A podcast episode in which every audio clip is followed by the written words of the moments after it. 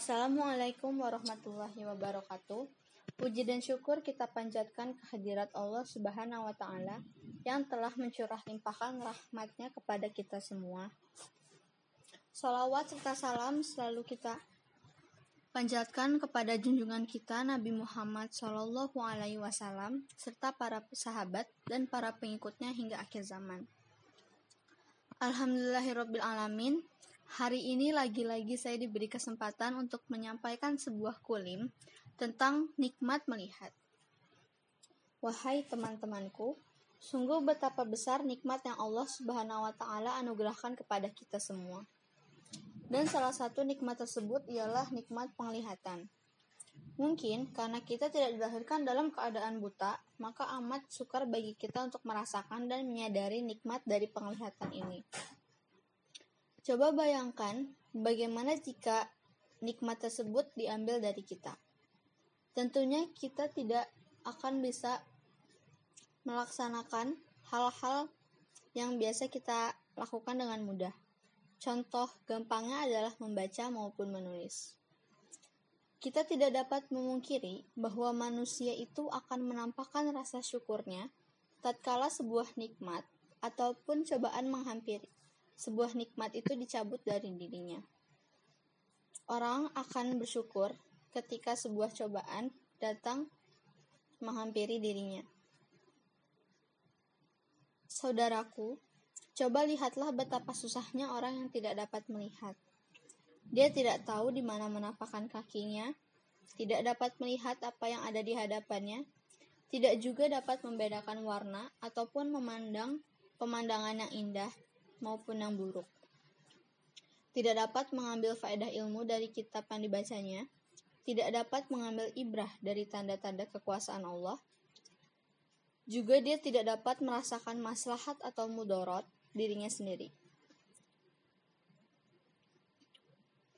Oh, kalau Allah Subhanahu wa taala tidak secara khusus menjaganya seperti penjagaan terhadap bayi, tentu dia sering mengalami kecelakaan. Dia ibarat seonggok daging di atas meja penjagalan. Oleh karena itu, Allah Subhanahu wa taala memberinya pahala surga bila ia dapat bersabar. Dan dengan kasih sayang Allah, Allah membiaskan cahaya penglihatan ataupun basor ke basirah atau mata hati kepada orang yang buta ini. Karena itu orang yang buta punya mempunyai mata hati yang paling tajam. Allah juga memberi orang yang buta ini kemauan yang kuat. Pikiran, pikirannya terkonsentrasi, tidak mudah terpecah belah, sehingga hidupnya tentram dan nikmat. Maslahatnya juga lancar.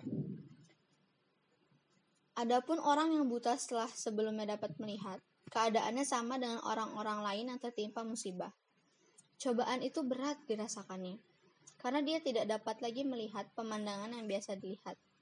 Orang seperti ini tidak sama keadaannya dengan orang yang mengalami buta sejak lahir. Di akhir pembahasan saya, di akhir pembahasan saya, saya ingin mengutip satu hadis dari Rasulullah Shallallahu Alaihi Wasallam.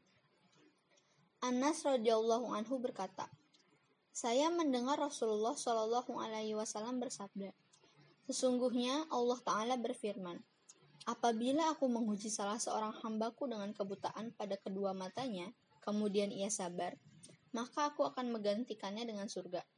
Hadis riwayat Bukhari. Pembelajaran dari hadis ini adalah pertama, Nabi menyebutkan dua mata secara khusus karena mata adalah anggota tubuh yang paling disukai oleh manusia. Surga adalah pahala yang paling besar.